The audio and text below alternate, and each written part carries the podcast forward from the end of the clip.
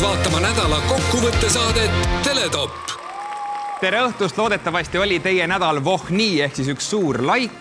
Facebooki nädal teatavasti oli üks suur mitte-laik, sest kuus tundi ei saanud me keegi olla Facebookis ega Instagramis, see oli täiesti maha visatud aeg. rääkides veel ajast ja tundidest, siis täna veel kolm tundi on Eesti Vabariigi president Kersti Kaljulaid ta ärkab hommikul ülesse, ei tea enam, kuhu minna, mida teha, mida selga panna ja selleks puhuks me kingime Kersti Kaljulaiule saatetiimi poolt uue pluusi.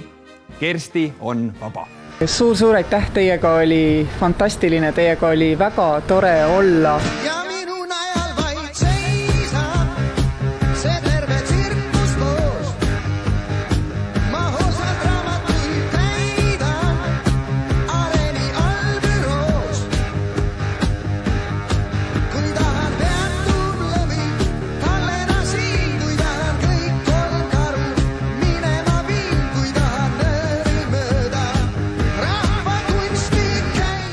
Käib. Te olete Teletopi lainel nädala tippsündmused ja tippuudised võtavad kokku tipparvajad, telemaastiku oma tipp ja täpp Mart Juur ja Peeter Oja.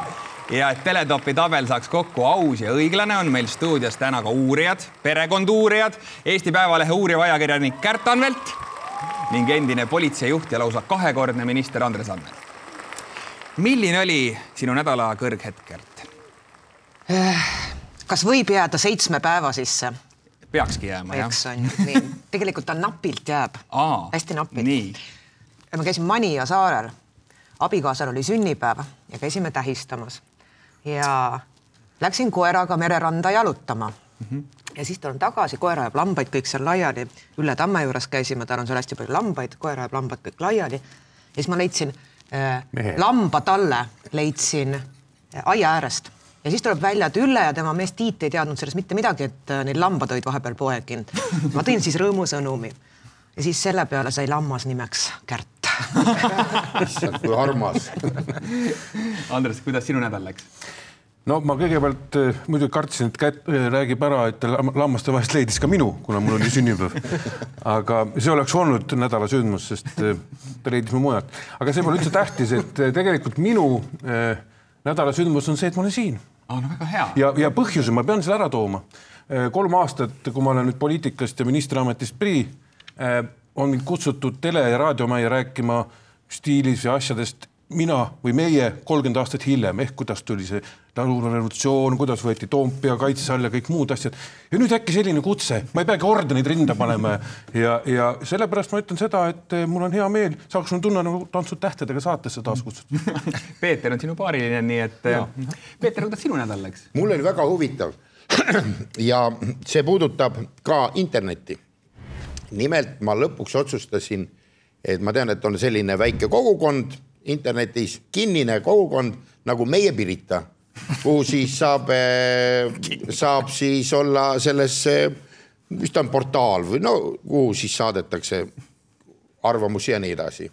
nii, ja seal on Pirita ja Pirita Kose ainult ja mõtlesin, et ma hakkan liikmeks ja saadan ära, et ma tahan ka olla selle liige ja tuleb vastu, tuleb selline, vot mingid tuvastavad küsimused on mingisugune, kui, kui sa tahad kuhugi gruppi siseneda. ja küsimus oli, sõna-sõnalt ma ei mäleta, aga põhimõtteliselt oli ta selline. Te elate Klaipedas, mis teid Piritaga seob? ja siis ma vastasin ka korraliku inimesena, ma ütlesin, et küsige veel midagi. aga mind võeti vastu. Ma ei tea, kustkohast see tuli. Te elate Klaipedas. see oli nii armas. Mart, kuidas sinu nädal oli? no nädal on olnud suurepärane, sest mulle nii jubedalt meeldib sügis, mulle meeldivad sügisilmad, meeldivad need kuldsed lehed, mis langevad ja see sügise taevas ja sügise värvid ja sügisene park.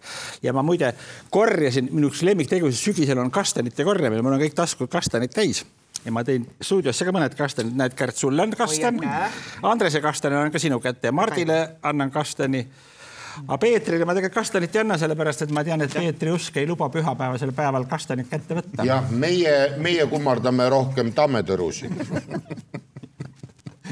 väga tore, alustame saatega Teletopp. alustame saadet võidukalt, me oleme Euroopa tipus, aga mis alal? hirve peibutamises Eesti Jahimeeste Seltsi kodulehel on uudis, Euroopa meister kaks tuhat kakskümmend üks on eestlane Innar Uus ja Eesti meeskond kolmas. hirve peibutamise Euroopa meistrivõistluste finaalis tuli võistlejatel teha kahe võitleva pulli häält ja videos ongi nüüd uus Euroopa meister Innar Uus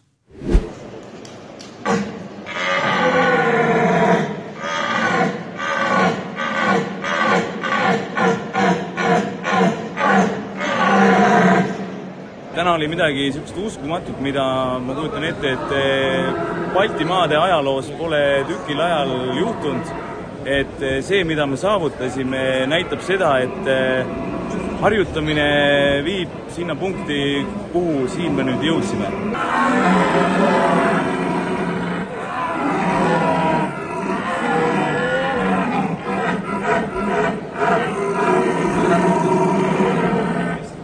Ma ei saa siiamaani aru, mis toimub veel. Peeter, sina une pealt ilmselt lavaka lõpetanuna suudad ju ka hirvi peibutada. mis on hirve häälel lavakaga?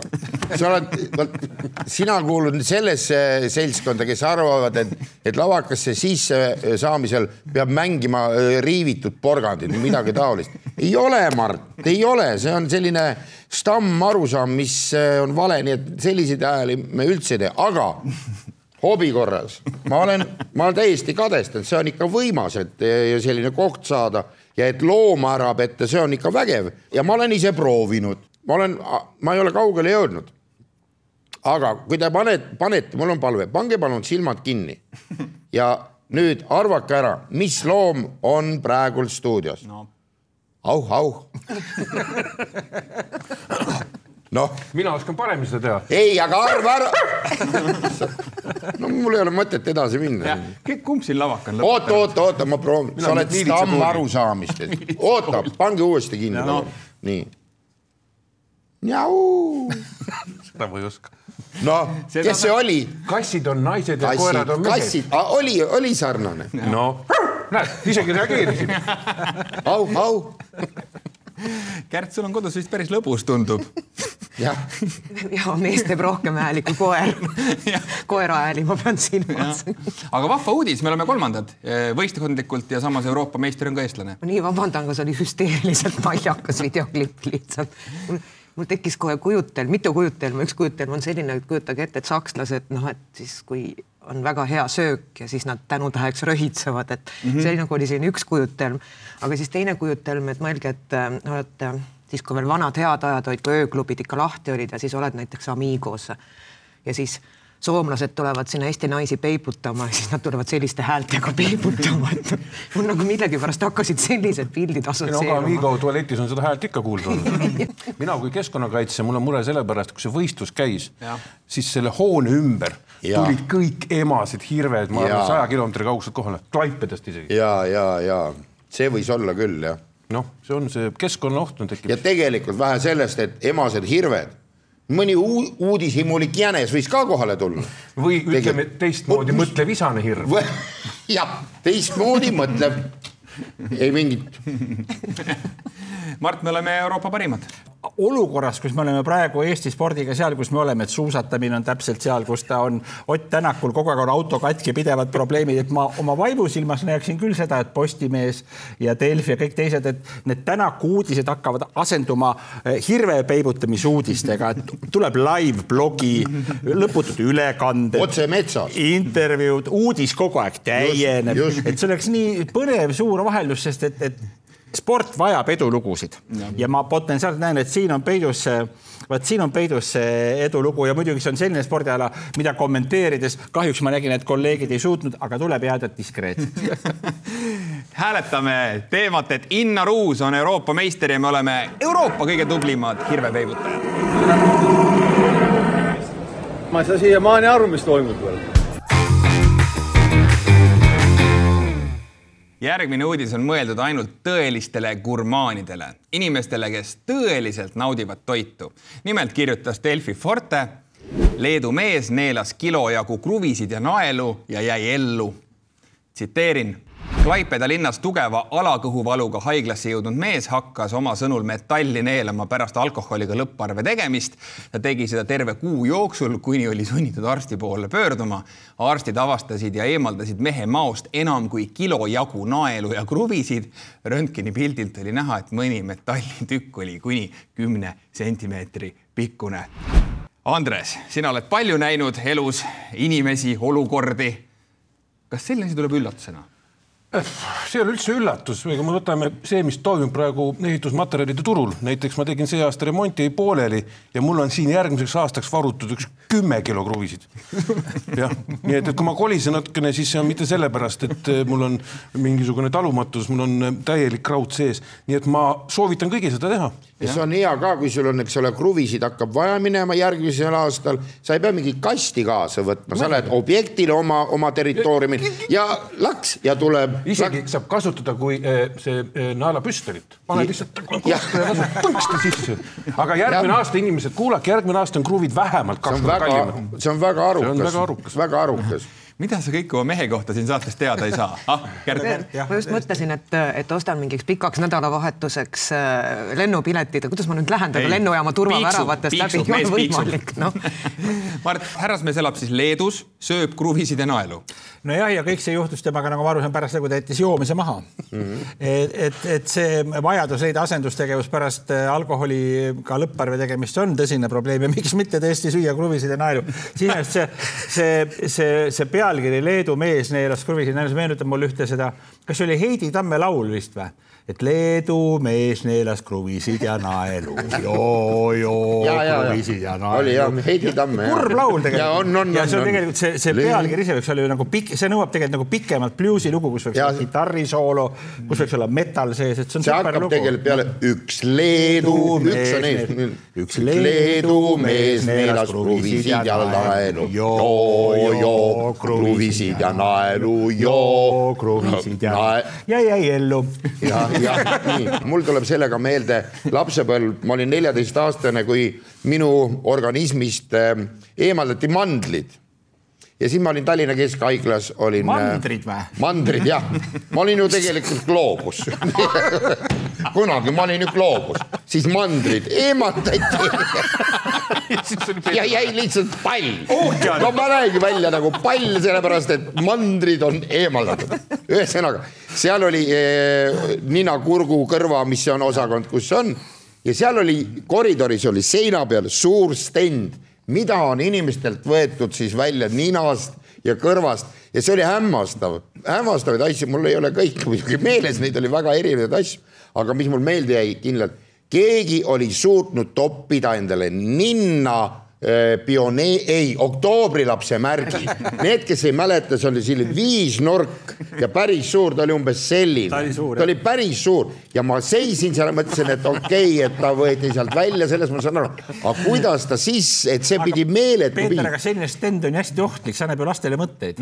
ja, ja käid seal ju traumapunktis, sul võetakse, sul võetakse, võetakse mandrid või võetakse sinust välja, lähed koju, paned endale väikse Volodja ninna. no mul tekkis ka mõte, ma mõtlesin nii, oi kui huvitav, et, et terve suur nael, et kui ma nüüd terveks saan, siis ma lähen Muugale suvilasse, suveaeg oli ja panen selle naela endale. tegelikult mul ei tekkinud neid mõtteid, aga see oli päris, päris tore seal jah, vaadata, et mis, milleks inimene, nii et see naela söömine, kruvide neelamine mul on tegelikult ettepanek, et kolleegidel, kui me oleme nüüd saate ära teinud, siis pärast võiks minna kuhugi ehituspoodi ja natuke sada grammi naelu teha. natukene teravat. ja teeks jah, sellise nüüd lõuna, lõunasöögi jah, jah, lõunasöögi õhtul hilja, väga huvitav plaan Peetril, hääletame seda teemat, et leedulased on nõnda inspireerivad. Leedu mees tegi seda.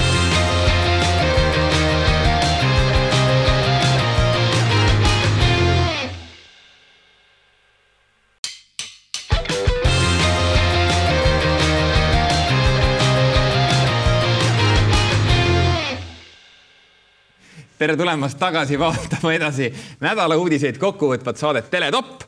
enne veel, kui jätkame põhiteemadega, vaatame üle selle nädala need uudised, mis jäid küll Teletopist välja, kuid mis väärivad siiski meie kõigi täielikku tähelepanu.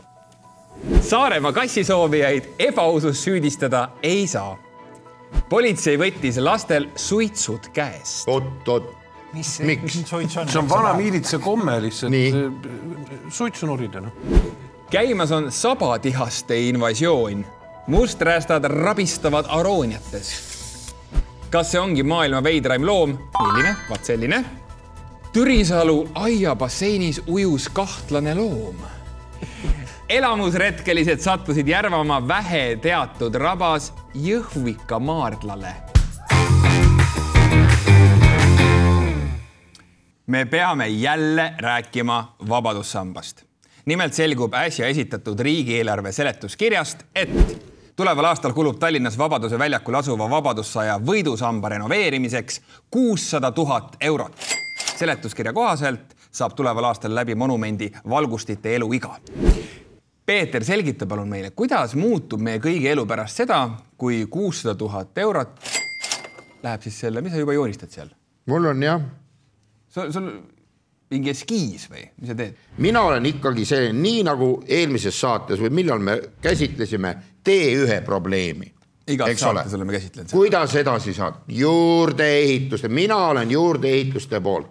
hakake vaikselt tegema, see on nagu ja ma ütlen, Venemaale meeldiks ka see, mis see meenutab ah?? kalmistu. ei, see ei ole kalmistu, see meenutab ju neid, mis need on, need Tšeburek, ei, matrjoškad, jah. Vabanda mind, olen küll vene kultuuri alal äh, vähem ekspert kui sina, aga matrjoškat ei meenuta mitte ühestki otsast. printsiip, printsiip matrjoška on, saad aru, selline, sa ei lase mul lõpuni ju rääkida. ei ma lihtsalt tahtsin täpsustada. ja, aga minu idee on see, et need, need siin on liigutatavad, ehk siis Nii. neid saab efektselt siia sisse panna. suur, suure sisse, mis olemas juba on Ja, ja. ja siis no sündmusest olenevalt, need võib veel olla, see võib tegelikult see rida võib minna Raekoja platsini välja. Peeter, kuidas see probleemi lahendab? probleem on selles, et valgustus ei tööta, on vaja kuussada tuhat investeerida. sa teed juurde neid. no ja, aga ei olegi vaja, valgustus ei ole asi, rohkus tapab. minu meelest muidugi arvestades seda, et elektri hind on järjest tõusnud, eks ole, ja see on reaalne fakt, et kaasajastamisega koos mina paigutaksin vabadussambal ikkagi liikumisanduri, et ta põleb ainult siis, kui keegi mööda läheb. aga Peetril on selles mõttes hästi hea idee need teisaldad, no või noh, selles mõttes et neid hästi palju, sisse. sest et seletuskiri, millele viitas Mart mm, -hmm. seal on ka kirjas ju see, et viissada tuhat läheb nüüd Hiiumaale, et sinna vabadussammas teha mida? ja, ja nüüd on siis niimoodi, et kui nüüd võtta Peetri idee, siis saaks vahepeal teisaldada seda ühte risti sinna Hiiumaale kuule, Kärkas oli sihuke diil, et eh, Hiiumaa sai küll vabastuse maskikohustusest, aga sai kohustuse rajada vabadussammast. täpselt nii. noh, väga tore ju. hääletame seda teemat, et kuussada tuhat eurot läheb maksma Vabadussamba remont.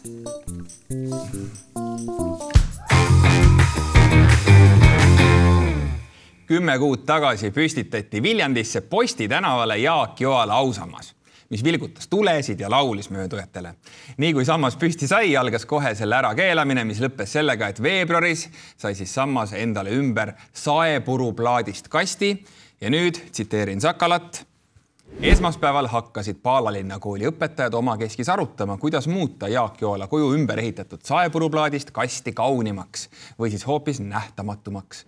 järgmisel päeval kleepisid õpetajad kastile maha langenud puulehti.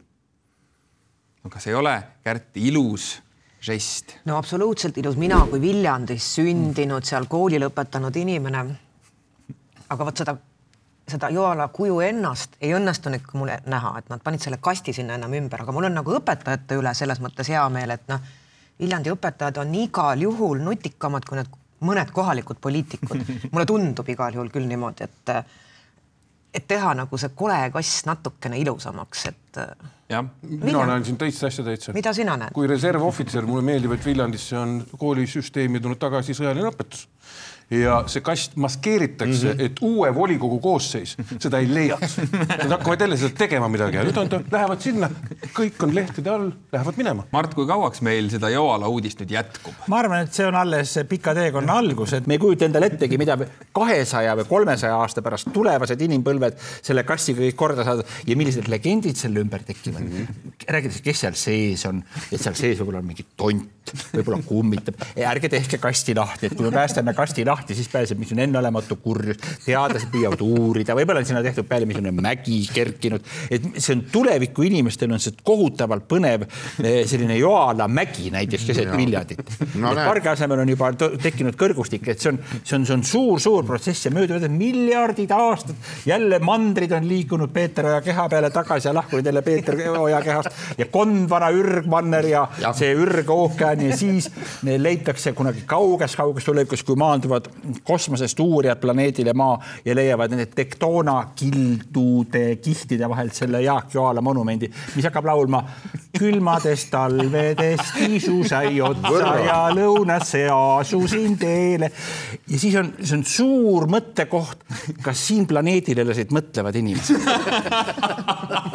tervitame Viljandi rahvast, on mida rääkida. hääletame seda, et Joala kuju on saanud, Joala kuju kast on saanud uue kuue.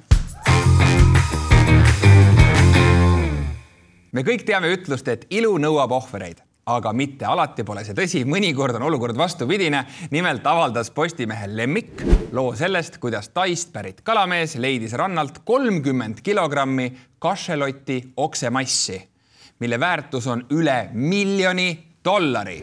kašeloti oksemass ehk ilumaailmas rohkem tuntud kui ambra on parfüümitootjate seas hinnatud lõhnade koostisosa, mis pikendab parfüümi püsimist. vaatame videot.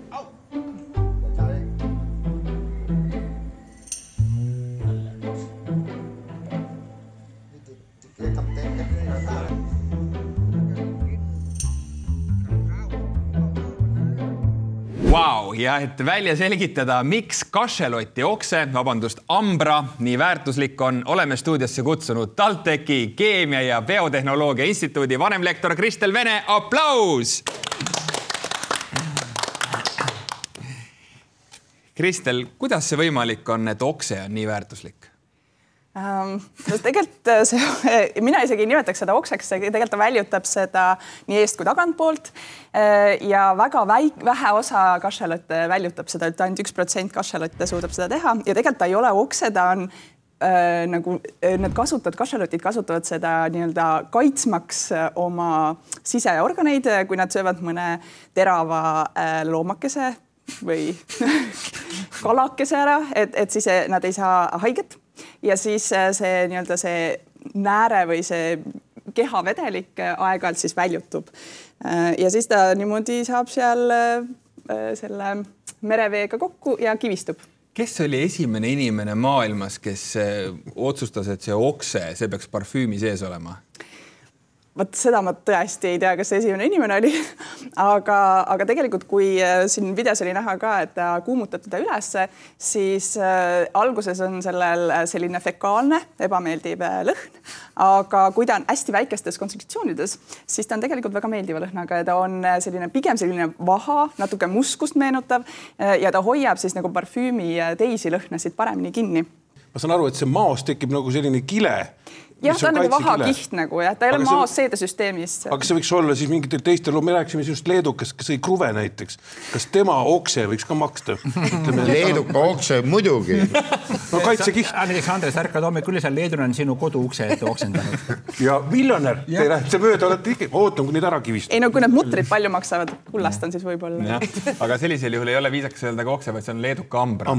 jah. jah, kas on veel eh, loomi, linde, kalasid, kelle, kelle kuidagi sellised kehavedelikud eh, toimivad kui parfüümi koostisosad?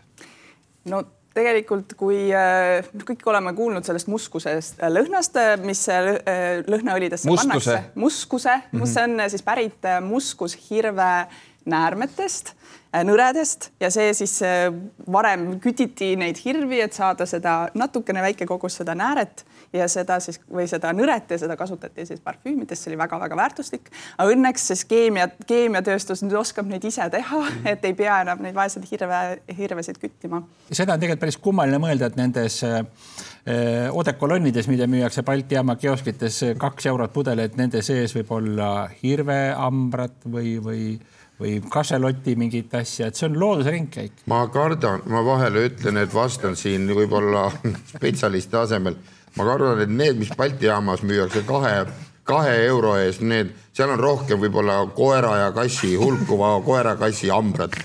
aga vaata, heal juhul. sa mõtled seda Maša ja Saša näovett, eks ju? Paša ja ma Maša. selles mõttes, et need, kes seda joovad. Koerte nimed ju. ei, need, kes seda joovad, need väljutavad omakorda oma hambra, et see ongi see loodusring. jah, see on taaskasutus. Aga jaa, mul tegelikult- vaata see Kalamaja kant läheb. Rohepööre. rohepööre, taaskasutus Sašale, Mašale. igatahes väga silmaavav teema, suur aitäh TalTechi Keemia ja Biotehnoloogia Instituudi vanemlektor Kristel Vene. hääletame seda, et kašeloti okse on lõpuks leitud ja lõpuks ometi saab jälle teha häid parfüüme.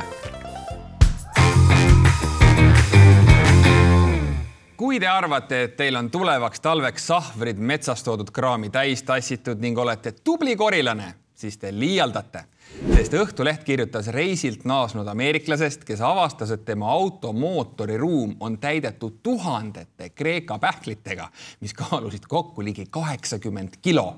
Need oli sinna talveks peitnud orav. piltidelt on näha, et mees korjas kõik pähklid kokku mul on küsimus endisele justiitsministrile, härra Anvelt, öelge, kas oraval üldse mingit õigust ei ole siis oma varale või, et niimoodi käitutakse? No endise justiitsministrina ma ja poliitikuna ma näen siin tegelikult äh, poliitilist äh, tausta üldse selle uudisel. Te saate valesti aru, see oli ämma auto, kuhu orav peitis needsamad pähklid enne valimisi. nii, ja mis Nii. see point on siis? no point on selles, et kui pärast orav kinni võetakse, kus pähklid said, ämma auto kapoti alt läksid. ah nii, ah et oravad on siis nii sellised sepad. Jah, juba Ameerikas panevad ämmadele autod, auto kapoti vot see on tegelikult jõhker uudis selles mõttes, et äh, tõesti noh, siin loomakaitsjad, looduse sõbrad, kõik, kes on inim-, mitte inimene, see orav, kaheksakümmend kilo, kaheksakümmend kilo, see ei ole kolm viiskümmend, eks ju. kaheksakümmend kilo ta kogub, ta talve ja siis tuleb mingi suvaline sepp, tõstab kaane üles, ütleb, mis siin toimub, eks ole, noh. Noh, see on, see on, see on orava, tegelikult see on vargus. No sellised asjad juhtuvad, juhtuvadki tänapäeva ühiskonnas, kus ini-, nagu ma aru saan, ameeriklane läks mitmeks kuuks äh, reisile, jättis auto parkiva maja ette ja siis kindlasti sotsiaalmeedias kellas, kuidas ta välismaal käib, igal Jah, pool passi peal.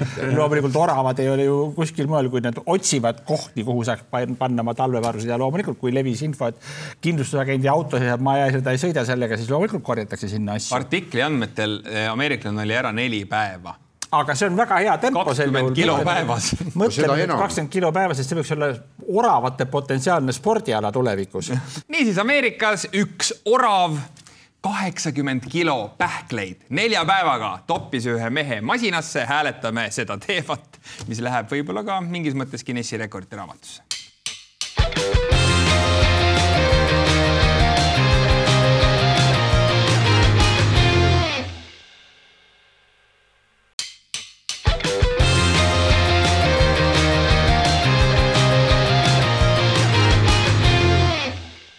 Te vaatate saadet nimega Teletopp ja muide, Teletopp on eetris ka järgmisel nädalal. järgmisel nädalal on teatavasti kohalike omavalitsuste valimiste õhtu täpselt Teletopi ajal ehk siis pühapäeva õhtul. ja selle saate toimimiseks on meil vaja teie kõikide abi kes te märkate lõbusaid valimisreklaame, kes te näete enda ümber mingit nänni, mida on antud, saatke meile nii linke, reklaame, igasugust nänni, aadress on siinsamas all ja loomulikult teletopp.kanal2.ee väga loogiline aadress, sinna peale palun saatke siis ka kõike seda, mis teil valimistega seoses silma jääb, ikka selleks, et järgmise nädala teletopp oleks tummine ja nüüd selle nädala olulisim taristu uudis. Maardus asuva Pirnipuu puiestee elanikud said hiljuti teada, et nende kinnistu kõrvale rajatav tee tuleb peaaegu sama kõrge kui aedade viimane latt. piirkonda arendava ALG kinnisvara turundusjuht Maria Tulbina ütleb, nüüd lõpuks saavad kogu selle piirkonna elanikud asfaltteel normaalselt oma koju sõita või kõndida. olles olnud poliitikas nii kohalikus omavalitsuses kui riigi tasemel, siis ma julgen öelda, et esiteks vaatame positiivselt, meie tee-ehitustase on vähemalt meeter poolteist tõusnud viimaste aastate jooksul. Ja ohutuse mõttes, kuidas juhtuvad tihtipeale mikrorajoonides õnnetused, lapsed, koerad ja. jooksevad välja, eks ju, auto ette, isegi mitte lapsed ise võivad joosta välja, aga nüüd teed väravad lahti, müür on ees, hakkad ronima tee peale, siis on kiirus väike ja, ja jääd ellu. minu arust väga positiivne. See on hea mõte, et inimesed elavad augus. minu meelest on see, Maardu on praegu tegelikult ju teenäitaja, teerajaja. just selles mõttes, et äh, praegu siin kohalike omavalitsuste valimiste eel, ma ei mäleta, mis erakond meil lubas siia Tallinnasse õhutrammi. EKRE oli see, muide. EKRE, Maardu peaaegu, et juba tegi ära. on ju, tegi ära. nii et teenäitaja. kui seda pilti vaadata, siis tegelikult Maardu elanikud on juba hakanud olukorraga harjuma ja kohandama ennast, näete, batuut on kõrval, batuudi pealt hüpatakse tänavale. sa võtad ju hoogu, põmmi siis ja oledki tänava peal. minu meelest ma arvan, et head ehitajad, nendel ikka juhtub, näiteks kunagi oma esimese maja puhul, mis jõudis sellisesse olukorda, et äh, võiks hakata juba vaikselt äh, vastu võtma, siis äh, tulin vaatama ja oh sa ilmet, vetsupott oli pandud keset magamistuba. issand, no okei okay,, see vetsupott pidi olema umbes seitse meetrit eemal Um-, no umbes seitse meetrit eemal, aga pandi sinna. nii et kui me räägime sellest, et meie, minu maja puhul umbes seitse meetrit ehk siis see kaks meetrit, see on täitsa nohu, minu meelest ei maksa vinguda kohalikel inimestel. vaata, nad eh, eksisid sinu puhul öelda nagu vertikaalmõõdus seitse meetrit. kui tead, sa lähed oma majja, sinu vetsapott on seitse meetri kõrgusel. ma mäletan ka, et, et aastaid tagasi, kui äh, plaan oli vahetada aknaid ja ühtlasi ka rõduuks, nii, siis äh, toodi meile rõduuks, mille kõrgus oli üle kolme meetri. aga laed olid kaks viiskümmend. Aga samas ja siis ma küsisin, kui nad olid kohale toodud, et nii ja mida me nüüd teeme, et see vist ei mahu, siis vaatasin, vist ei mahu ja noh, aga ma ei mäleta, nad tõid ikka õi- õige. aga ma kujutan ette, et samal ajal mingisuguse ooperimaja ehitusel oli olukord selline, et mis me selle uksega teeme. see kahe meetri uks, meil on kolme meetri sisse kõik. sõiduteede tase tõuseb Eesti Vabariigis, hääletame seda teemat.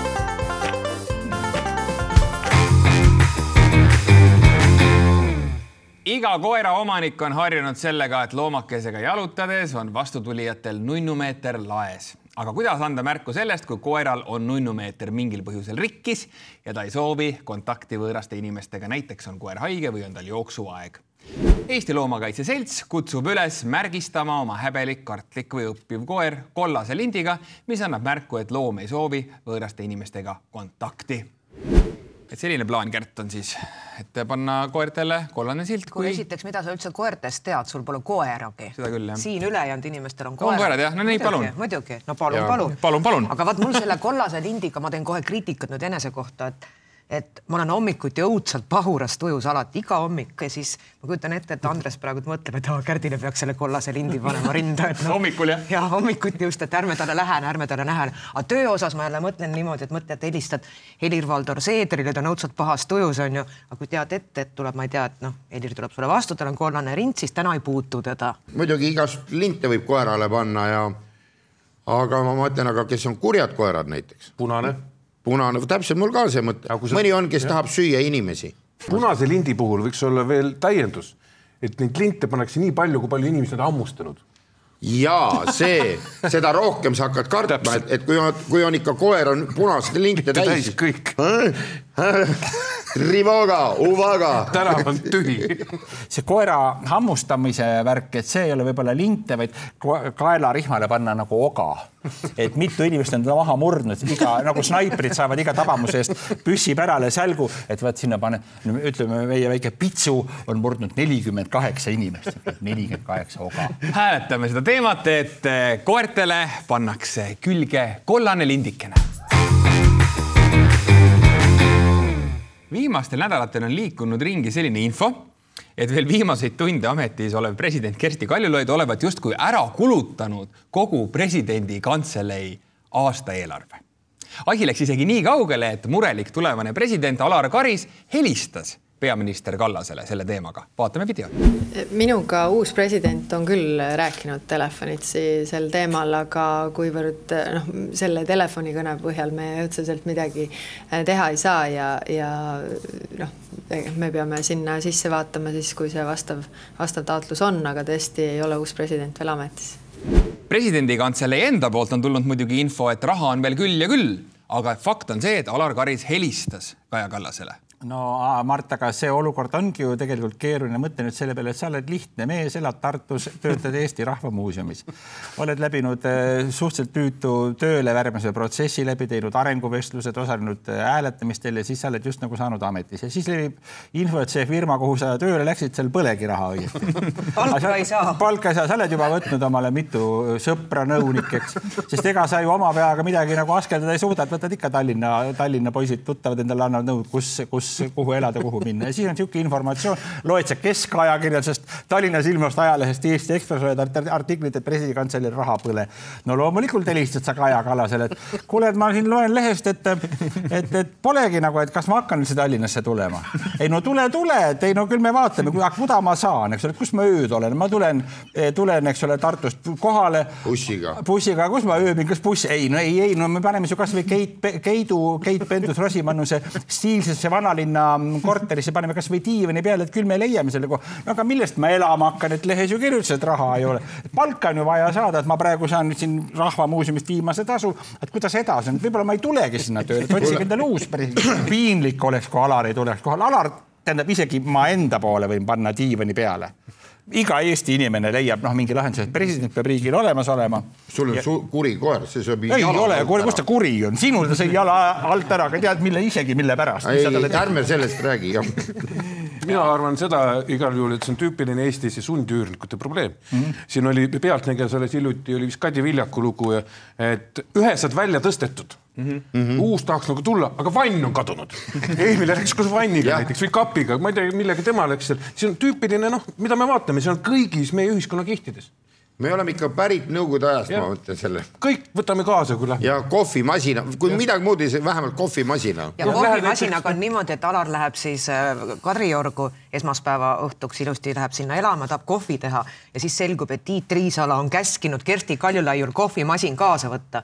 ja no, Kersti tegelikult... on tegelikult puigelnud vastu, aga lõpuks ta on aga sunnitud olnud just ära. ta ei joogi kohvi üldse. jah, ja tegelikult ta ei joogi kohvi. ja tegelikult ega see olukord ongi seal hästi halb, sest ega siis ka, Alar ei, ütleme jah sest kui president on tubli ja teda oma ülesanne, siis saab temast ju Alar meie kõigi jaoks.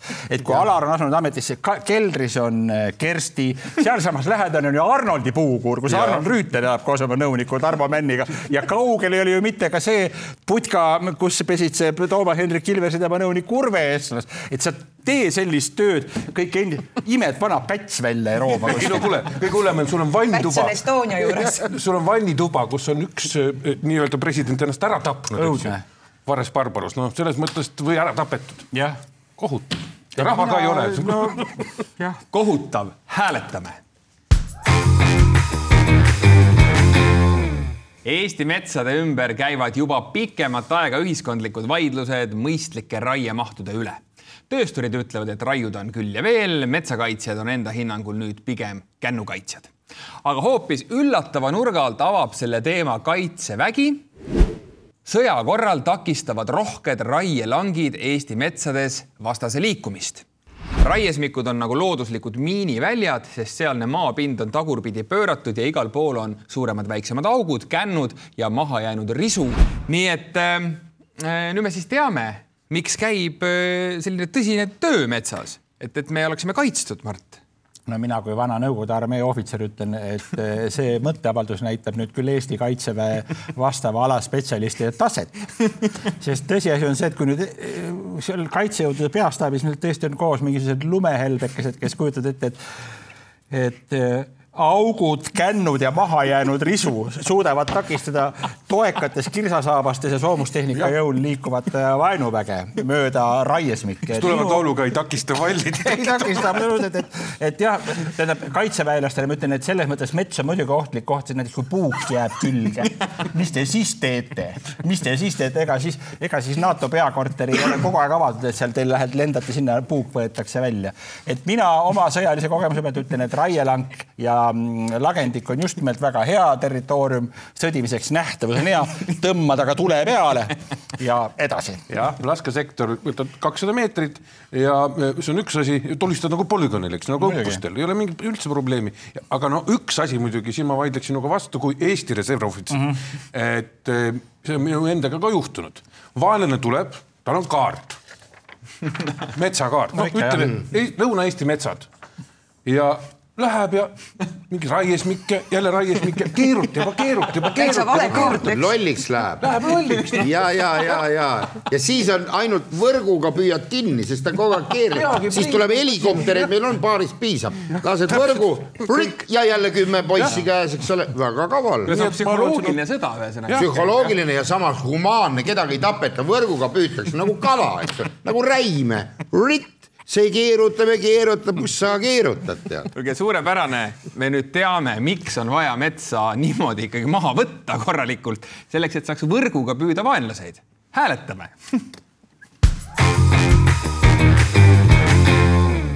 ja nüüd trummipõrin, nädala teemad on reastatud ja tabel on teie ees ning viimati käsitletud raielankude teema kerib, kerib, kerib ja tõuseb ai, üheksandaks ja esimesel kohal kalur leidis kašeloti oksed pikalt võidab selle saate. ja nüüd tekib väga huvitav küsimus.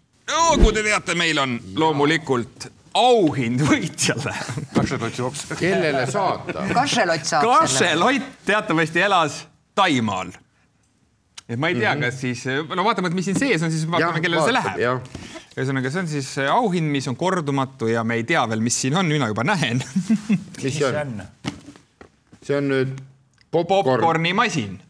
ohhoo, ja nüüd on küsimus, kellele kašeloti teema puhul peaks selle saatma? ma arvan sellele kalurile. aga me ei saa talle saata. me ei tea teda konkreetselt ja me, aga loomaaed äkki või? sellepärast, et eh, loomadest oli teema ja seal on väga palju neid igasuguseid hambreid. ja ma ei tea, kas seal kašelott on või? Ei ole. see on teile seemneks, hea Tallinna loomaaed, et võtaksite endale ka kašeloti, sest juba on siin popkorn, mida ta kindlasti väga armastaks süüa. aitäh, et vaatasite Teletoppi, nüüd oleme kõik ühel lainel ja teame, millega see nädal ajalukku läheb aga nüüd üleskutse kõikidele vaatajatele. järgmisel nädalal toimuvad Eestis kohalike omavalitsuste valimised, mis kulmineeruvadki pühapäeval täpselt Teletopi saate ajal. ja seetõttu on meil loomulikult eetris Teletopi valimiste erisaade. Külas on tuntud, kuulus poliitikavaatleja Jan Uuspõld ja üks päris politoloog ka, Erik Moora. ning meil on üleskutse kõikidele vaatajatele, et saatke palun meile valimisreklaame, linke, miks mitte ka asju. erakonnad võivad ka muide saata valimisnänni, propagandat, mida kõike, siis saame teie abil kokku korraliku valimiste erisaate ja Kanal kahe postiaadressi leiate siitsamast sellelt ekraanilt, kus me praegu oleme ning mis on väga loogiline, loomulikult ka teletopp at kanal2.ee on meie e-aadress. aitäh tänastele külalistele, Kärt Anvelt, Andres Anvelt ja loomulikult Mart Juur ja Peeter Oja. kirjutage, joonistage meile, kohtume uuel nädalal, kõike head